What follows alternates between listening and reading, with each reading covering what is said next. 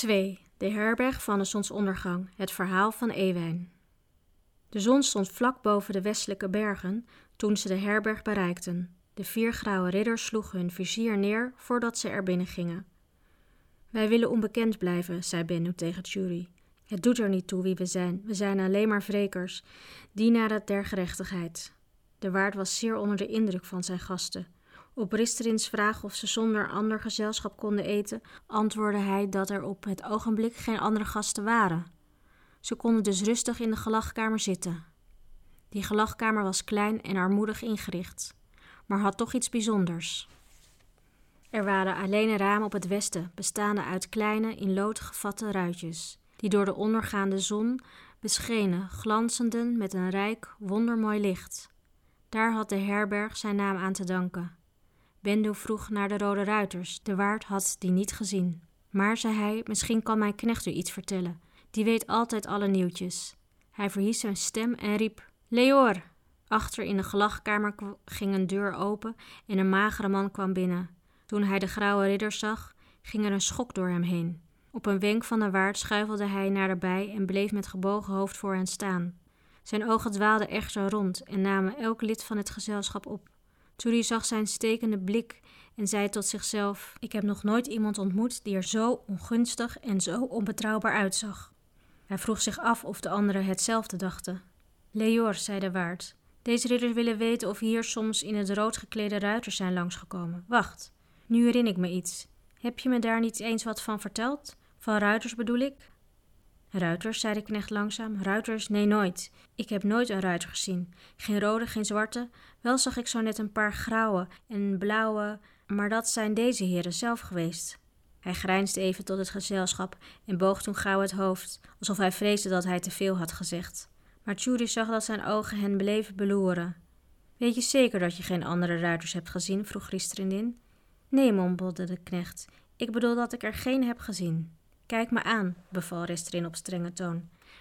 En antwoord naar waarheid. Heb je ruiters gezien? Rode ruiters, hier in de buurt? Misschien wel bij nacht? De knecht staarde hem half angstig, half uitdagend aan. Nee, zei hij, ik heb ze niet gezien. En als ze hier geweest waren, zou ik het geweten hebben.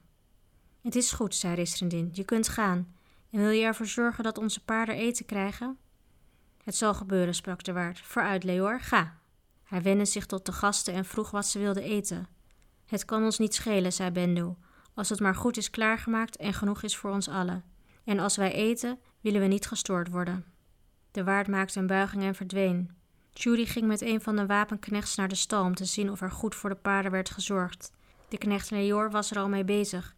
Hij scheen nu meer op zijn gemak dan in de gelachkamer. Mooie paarden, zei hij. Die kunnen een eindje lopen zonder moe te worden. U komt natuurlijk van kasteel Misternout, nietwaar? Inderdaad, zei de wapenknecht. Wanneer bent u vandaar vertrokken? Vanmorgen? Dan hebt u vlug gereden, de grauwe en de blauwe ruiters. Maar de grauwe, de ridders, wie zijn zij? Dat weten we niet, antwoordde Judy en de wapenknecht tegelijk. Wij zijn maar bedienden, voegde Judy erbij. Het was afgesproken dat hij voor een van Misternau's wapenknechts zou doorgaan. Oh ja, natuurlijk, zei Leor, terwijl hij een zak haver in een der ruiven leegde. De grote heren vertellen ons lang niet alles. Ze denken dat hun zaken boven ons verstand gaan. Hij richtte zijn aandacht op de paarden. Dat zwarte beest is het mooiste van allemaal, zei hij. En toch wordt het niet door een van de ridders bereden, is het niet? Hij keek Jury aan, maar vroeg hem niets. Het paard Arwen sloeg met zijn hoef op de grond en schudde zijn manen. Een fel dier, merkte Leor op, en hij keek Jury nogmaals aan, met een veelbetekend lachje op zijn gezicht. Jury mocht hem hoe langer hoe minder lijden en hij was blij toen hij de stal kon verlaten. In de gelachkamer waren de kaarsen aangestoken en de waard had de tafel gedekt. Korte tijd daarna brachten hij en Leor het eten binnen. Rissendin dankte hem en zei dat hij wel zou roepen als er nog iets nodig was. Daarna maakten ook hij en de andere ridders het zich gemakkelijk door hun helmen en halskragen te verwijderen en hun wapens af te gespen. Bender schoof de grendel voor de deur die toegang gaf tot het achterhuis. Ziezo, zei hij, nu zijn we onder ons. Ik weet niet of ik achterdochtig ben, maar ik vertrouw die Leor niet. Nee, nou ik ook niet, zei Bendu, maar we zullen hem in het oog houden. De Rode Ruiters vinden we in ieder geval, of hij het nu wil of niet zeggen wil. De reistering keek Judy pijnzend aan. wil er allemaal aan denken, sprak hij, dat Jury moet doorgaan voor een van de wapenknechts van kasteel Mistronaut. Hij zei er niet bij waarom hij hen daaraan herinnerde, maar Jury begreep het wel. De rode ruiters zouden zeker willen weten waar hij was. Hij zelf was de enige die precies wist waarom. Hij bedacht met een schok dat de grauwe ridders misschien niet eens naar de ruiters hoefden te zoeken. Als ik bij hen blijf, komen ze wel naar ons toe, dacht hij.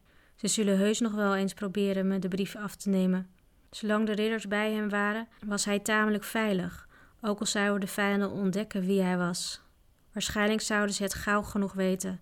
Hij was wel gekleed als wapenknecht, maar hij bereed weer het paard van Edwinem, de zwarte ridder met het wilte schild. Hij sprak deze gedachte niet uit, dat was toch nergens goed voor. In plaats daarvan richtte hij zich tot Ewijn. Ridder Ewijn, zei hij, wilt u mij vertellen waarom de vorst van Eveland de vijand is van koning Unauwe? Dat is niet in een paar woorden gezegd, antwoordde Ewijn, maar ik wil het je wel vertellen. Als jullie er maar aan denken dat we beter niet te laat naar bed kunnen gaan, zei Bendu. Morgen staan we gelijk met de zon op. Waar rust je beter van uit dan van gezellig bij elkaar zitten en wijn drinken en luisteren naar verhalen, zei Ristrindin. En hij beval zijn schildknaap de waard op te zoeken en hem een paar flessen wijn te vragen. Zo schonken ze na het eten de glaas nog eens vol, schoven hun stoelen achteruit en gingen gemakkelijk zitten, om met Tjuri te luisteren naar wat Ewijn vertelde. Er wordt gezegd, sprak Ewijn, dat het land waar ik vandaan kom het mooiste is van de wereld. Onze koning, Unauwe, regeert er een lange, lange tijd. En zijn regering is wijs en rechtvaardig. Eeuwen en eeuwen heeft er vrede geheerst in ons land. Pas in de laatste jaren hebben we oorlog en tweedracht gekend. Die tweedracht is ontstaan in het hart van het rijk zelf. Koning Unauwe heeft twee zonen. De oudste is, zoals gebruikelijk, kroonprins en van zijn achttiende jaar af onderkoning en stadhouder van het rijk. Maar de twee prinsen zijn op dezelfde dag geboren en de jongste is nooit tevreden geweest met zijn plaats. Hij vond het niet rechtvaardig dat zijn broer, die slechts enkele minuten ouder was dan hij, de troonopvolger was. Je moet weten dat de twee prinsen wat uiterlijk en verstand betreft elkaars evenbeeld waren. Dit maakte voor de jongste het verschil in hun positie nog minder aanvaardbaar. Toch waren hun karakters verschillend en het viel meer in het oog toen ze ouder werden. De kroonprins lijkt op zijn vader. Hij denkt steeds aan het welzijn van het rijk en van zijn toekomstige onderdanen. Zijn broer is heerzuchtig en haakt naar macht. De tegenstelling tussen de twee broers werd hoe langer hoe groter. De jongste begon de oudste te haten en zo kwam er vijandschap tussen die twee. Koning Unauwe heeft op alle manieren getracht hen weer tot elkaar te brengen en zijn jongste stoon te verzoenen met zijn lot. Maar in één ding bleef hij onverbiddelijk. Nood zou hij zijn rijk verdelen. Het moest één geheel blijven, onder de regering van hem die daartoe was bestemd. Wel benoemde de koning zijn jongste zoon tenslotte tot stadhouder van het zuiden van het rijk, de provincie der rivierstromen. Eerst leek dat goed te zijn, maar toen begon de prins hoe langer hoe zelfstandiger te regeren. Ja, soms handelde hij lijnrecht tegen de wil van zijn vader in. Ten slotte deed hij iets dat koning Unauwe nooit gedaan zou hebben. Hij trok naar het zuiden en drong het land van Eveland binnen. Hij veroverde het en maakte het tot provincie van Unauwens Rijk. De koning herriep dit besluit echter en hij beval zijn zoon zich onmiddellijk uit Eveland terug te trekken. Als antwoord riep de prins zich uit tot koning van dat land en hij voegde eraan toe dat hij nu ook fors was en zijn vaders gelijke en dat hij hem nu niet meer hoefde te gehoorzamen. Dit smartte de koning zeer en hij ontnam zijn zoon het stadhouderschap. Maar de prins, overmoedig, weigerde zijn ontslag te aanvaarden.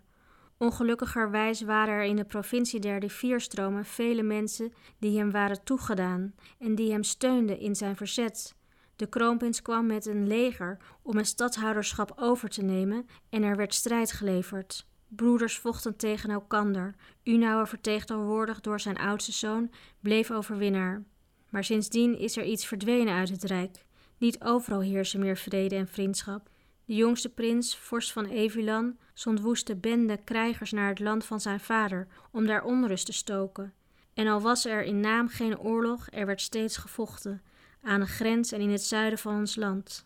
Zo'n bende, zei Ristrin, had zich verscholen in het bos van Forgota. Koning zond ridder Edwinem om die te verdrijven. Ik was er ook bij, vertelde ridder Ewijn, als een van de krijgslieden in Edwinems gevolg. Zelf was ik toen nog geen ridder. Risredin zal je wel verteld hebben dat het ons gelukte die boosaardige bende te verjagen. Maar daarmee was nog niet al het kwaad uit ons land verdreven. De kroonprins probeerde een paar maal vrede te sluiten, maar dat lukte hem niet. Er wordt gezegd dat hij zijn broeder nog steeds lief heeft. De vorst van Eveland weigerde echter alle toenadering, zodat de ridders van Unauwe met een bedroefd hart hun witte schilden namen en hun zwaarden omgespen en zich voorbereidden op meer strijd. Maar kort geleden ging er plotseling blijde geruchten door mijn land. Er werd gezegd dat de vorst van Eveland eindelijk vrede wilde sluiten. Ja, zelfs dat hij Eveland zou prijsgeven en naar de stad van Unauwe reizen om zich met zijn vader en broeder te verzoenen. Het is waar dat hij boodschappers heeft gestuurd naar zijn vader, de koning, en de koning heeft op zijn beurt een gezantschap naar Eveland gezonden. Het is waar dat die afgezanten over vrede zouden onderhandelen, en ze zijn door goede wensen begeleid op weg gegaan. Een van hen was ridder Edwinem, de heer van Forestera. Ewijn zweeg. En toen? vroeg Tjuri. Daarmee heb ik alles verteld wat ik weet, zei Ewijn. Ik was in blijde, hoopvolle stemming toen ik mijn land verliet om een boodschap te brengen van mijn koning aan koning Dagonaut. Ik kon niet vermoeden dat ik kort daarna mijn witte schild zou ruilen voor een grauw en dat ik als wreker door dit land zou reizen. Het was even stil. Vreemd eigenlijk, dacht Jury. Hier zitten we bij elkaar en we zijn verwikkeld in de zaken van een land dat niet het onze is. Allemaal behalve Ewijn, die er vandaan komt. Hij wilde iets zeggen, maar Bendu legde hem, tot zijn verwondering, met een gebaar het zwijgen op. Deze ridder stond nu voorzichtig op en liep onhoorbaar naar de deur achter in de gelachkamer.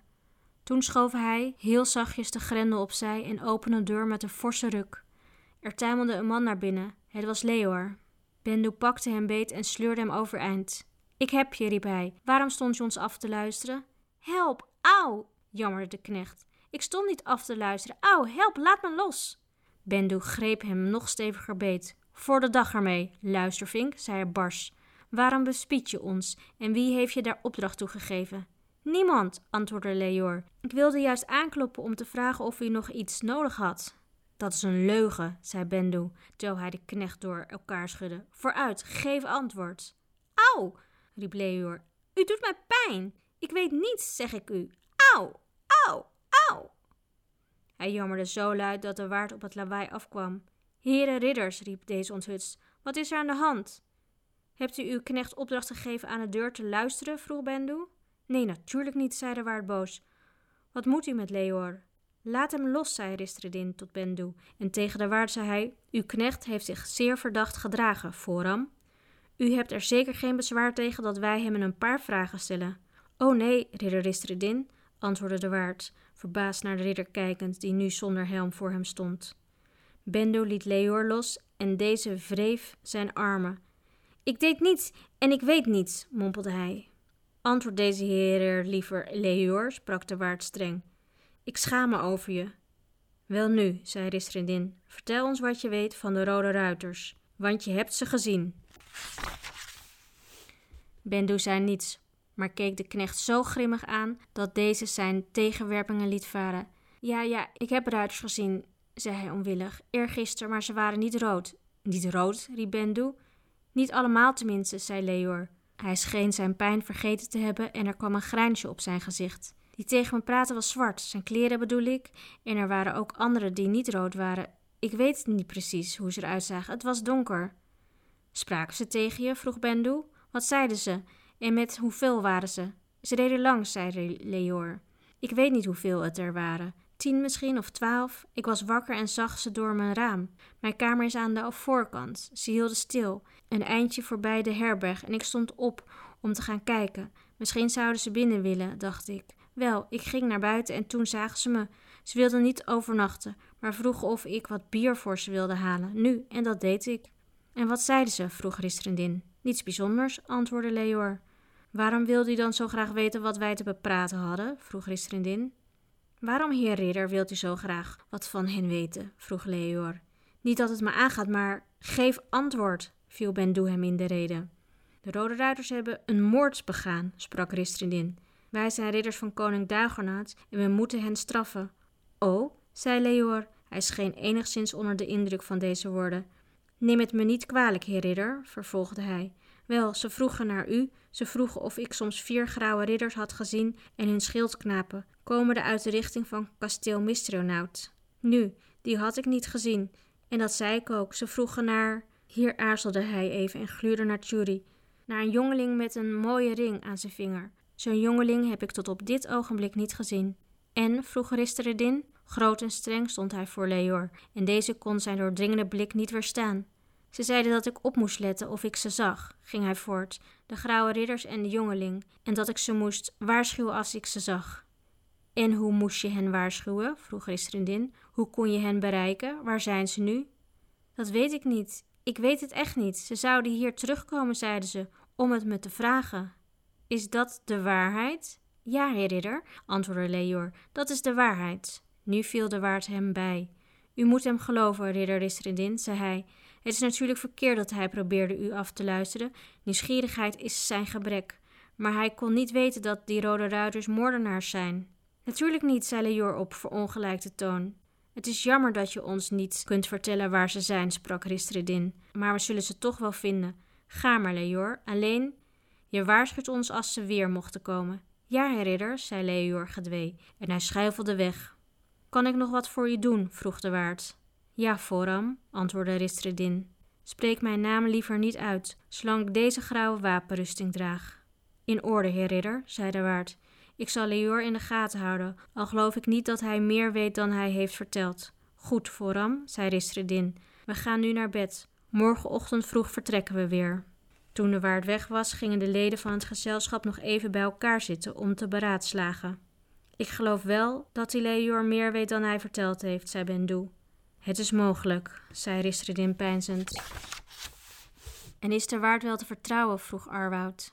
Als hij wat wist, zou hij het me zeker verteld hebben, antwoordde Risrindin. Ik ken hem. Het is een beste man, hoewel niet erg slim. Wat nu? vroeg Ewijn. Niets, zei Bendu kortaf. Laten we naar bed gaan. Maar ik vind dat we om de beurt de wacht moeten houden, zodat niemand de herberg kan binnengaan of verlaten zonder dat wij het weten. Dat lijkt me inderdaad het beste, zei Ristredin. Ze verdeelden de wacht. Ristredin was het eerst aan de beurt, samen met Jury, op zijn verzoek. Ze zouden in de gelachkamer blijven en nu en dan een ronde maken om de herberg. Na een uur zouden ze twee van de anderen wakker maken. Korte tijd later was Jury met Risterin alleen. De gelachkamer was bijna donker, ze hadden slechts één kaars laten branden. Ik heb gevraagd met jou te waken, zei de ridder, omdat ik nu een mooie gelegenheid heb om nog wat met je te praten. Bent u niet bang dat iemand u zal afluisteren? vroeg Jury. Leor, ach, wat ik te vertellen heb is geen geheim. Leor mag het best horen, al zou hij een spion van de Rode Ruiters zijn. Denkt u dat de Rode Ruiters dichtbij zijn? vroeg Jury. En dat ze hier terug zullen komen? Ristredin haalde zijn schouders op. Ik denk zeker dat ze dichtbij zijn, antwoordde hij. Judy zweeg enige ogenblikken. Ik denk dat ze mij zoeken, zei hij toen zacht. En als ze weten dat ik in uw gezelschap ben, zullen ze waarschijnlijk wel naar u toe komen. Laat ze komen, sprak Ristredin, en dan het liefst zo gauw mogelijk. Wat jou betreft, zolang je bij ons bent, sta je onder onze bescherming. Hij stond op, liep naar de deur en keek naar buiten. Na een poosje ging hij weer bij Tjuri zitten, maar liet de deur openstaan. De wachttijd ging vlug voorbij, want Risredin kon Tjuri nog veel vertellen van ridder Edwinem. Tjuri luisterde. Later zou hij dit in gedachten nog wel eens opnieuw beleven. Dan zou hij weer de stille gelachkamer voor zich zien, met het flakkerende licht van de ene kaars, de duisternis achter de open deur, dan zou hij het geruis van de rivier weer horen en de zachte stem van ridder Ristredin, die vertelde. En tegelijkertijd zou hij ridder Edwinem voor zich zien, niet stervend en verslagen zoals in het bos, maar krijgshaftig en fier door de wereld rijdend op zijn zwarte paard, terwijl het zonlicht glansde op zijn witte schild.